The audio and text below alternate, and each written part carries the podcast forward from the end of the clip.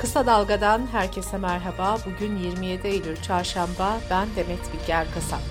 Gündemin öne çıkan gelişmelerinden derleyerek hazırladığımız Kısa Dalga bültene başlıyoruz. Cumhurbaşkanı Recep Tayyip Erdoğan, günübirlik Nahçıvan ziyaretinden dönerken gündeme dair açıklamalar yaptı.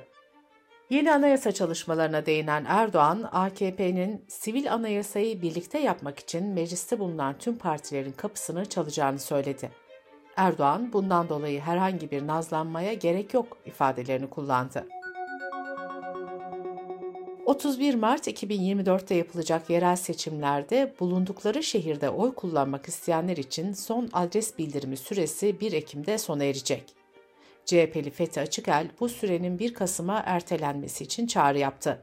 Üniversitelerin Ekim ayının ilk haftası başlayacağını hatırlatan Açıkel, binlerce öğrencinin barınma sorununu çözemediği için üniversitenin olduğu kente henüz gidemediğini anlattı. Açıkel, adres bildirim süresinin uzatılmaması halinde binlerce öğrencinin oy kullanamayacağını söyledi.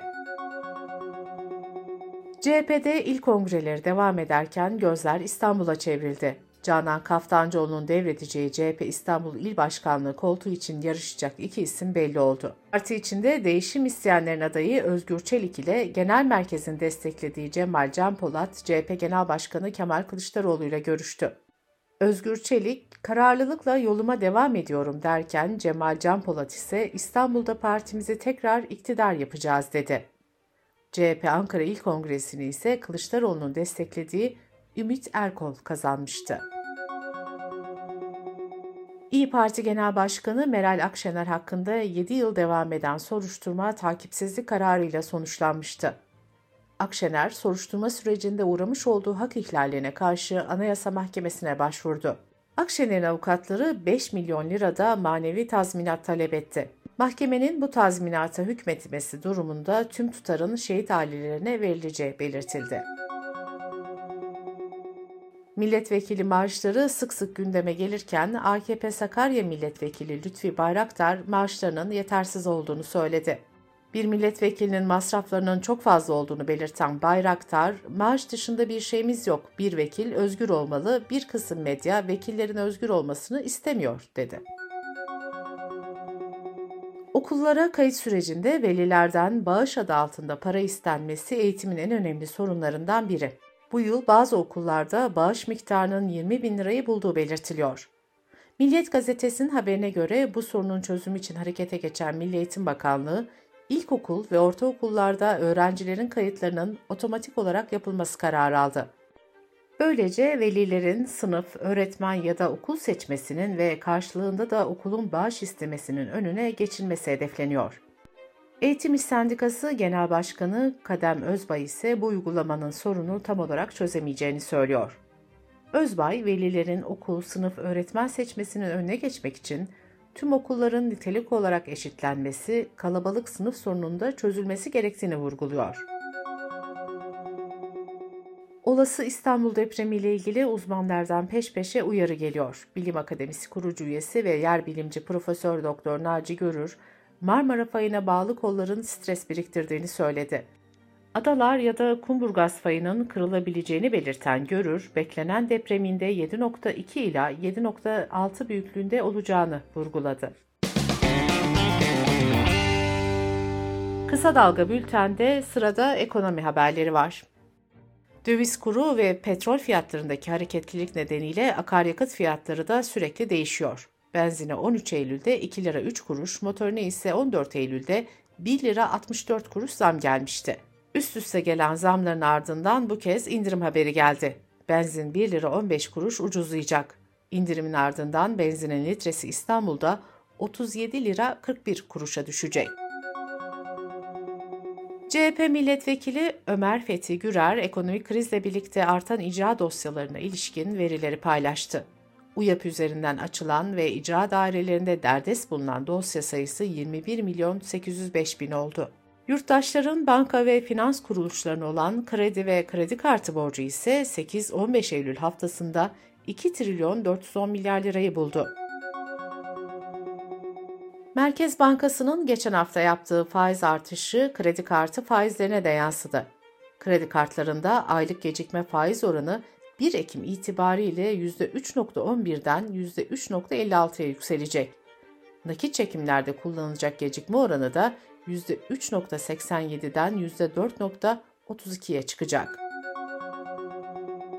Bireysel emeklilik sisteminde değişiklik yapıldı. Buna göre evlilik, konut alımı, eğitim ve doğal afet durumlarında ihtiyacı olanlara birikimlerinin yarısını çekme hakkı getirildi. Bu durumlarda katılımcıların hak kaybı yaşamayacağı belirtildi. İzmir Bergama'daki Agrobay seracılıkta sendikaya üye oldukları için işten çıkarılan işçilerin eylemi 36 gündür devam ediyor.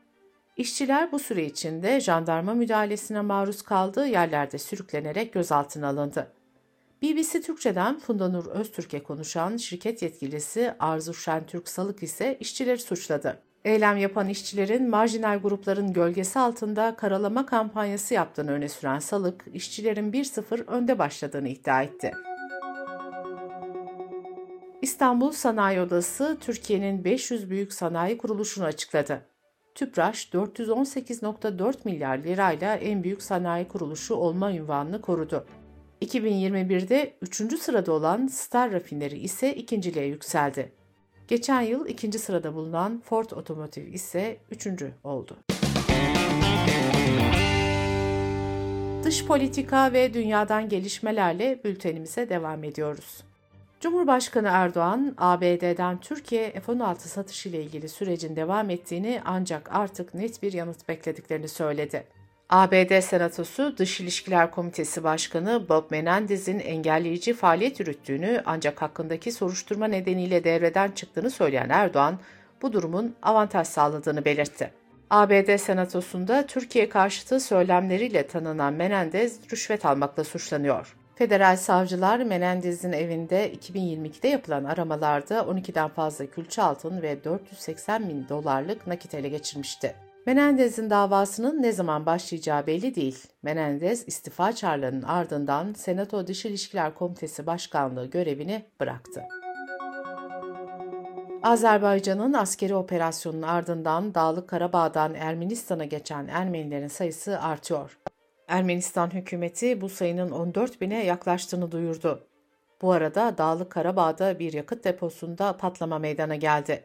En az 20 kişi öldü, 300'e yakın kişi de yaralandı. Dağlık Karabağ'da bu gelişmeler olurken Moskova ve Washington birbirlerini Güney Kafkasya bölgesini istikrarsızlaştırmakla suçluyor. ABD, Rusya güvenilir bir güvenlik ortağı olmadığını gösterdi açıklaması yaptı. Rusya ise ABD'yi Rusya karşıtı duyguların artmasına yol açan eylemlerden kaçınmaya çağırdı. Almanya ve İtalya arasında sığınmacı gerilimi yaşanıyor. Almanya göçmenlerle ilgili iki projeye 800 bin euroya kadar destek sağladığını açıklamıştı. Bu desteklerden biri denizden kurtarılanların İtalya'daki ihtiyaçlarının giderilmesi için çalışan bir örgüte, diğeri de kurtarma faaliyeti yürüten başka bir sivil toplum örgütüne verildi. İtalya, Almanya'nın bu adımına sert tepki gösterdi ve bu yardımların göçmenleri denize açılmak konusunda cesaretlendirdiğini savundu. Macaristan Başbakanı Viktor Orban, Ukrayna'yı uluslararası konularda desteklemeyeceklerini söyledi. Aralık ayında yapılacak AB zirvesinde Ukrayna'nın birliğe katılım sürecinin başlayıp başlamayacağına dair karar verilmesi bekleniyor. Ukrayna'ya bu konuda yeşil ışık yakılabilmesi için Avrupa Birliği üyesi 27 ülkenin onayı gerekiyor. New York İtfaiye Teşkilatı 11 Eylül saldırılarına bağlı hastalıklar nedeniyle bugüne kadar 343 itfaiyecinin hayatını kaybettiğini duyurdu. İtfaiyecilerin isimleri Dünya Ticaret Merkezi anma duvarına eklendi. 11 Eylül 2001'den bu yana 3500'ü kanser olmak üzere 11 bin kişinin saldırı kaynaklı hastalıklarla mücadele ettiği belirtildi. Bültenimizi kısa dalgadan bir öneriyle bitiriyoruz. Eğitim İş Genel Başkanı Kadem Özbay deprem bölgesindeki eğitim sorunlarını Esra Tokat'a anlattı. Esra Tokat'ın söylesini kısa dalga.net adresimizden ve podcast platformlarından dinleyebilirsiniz.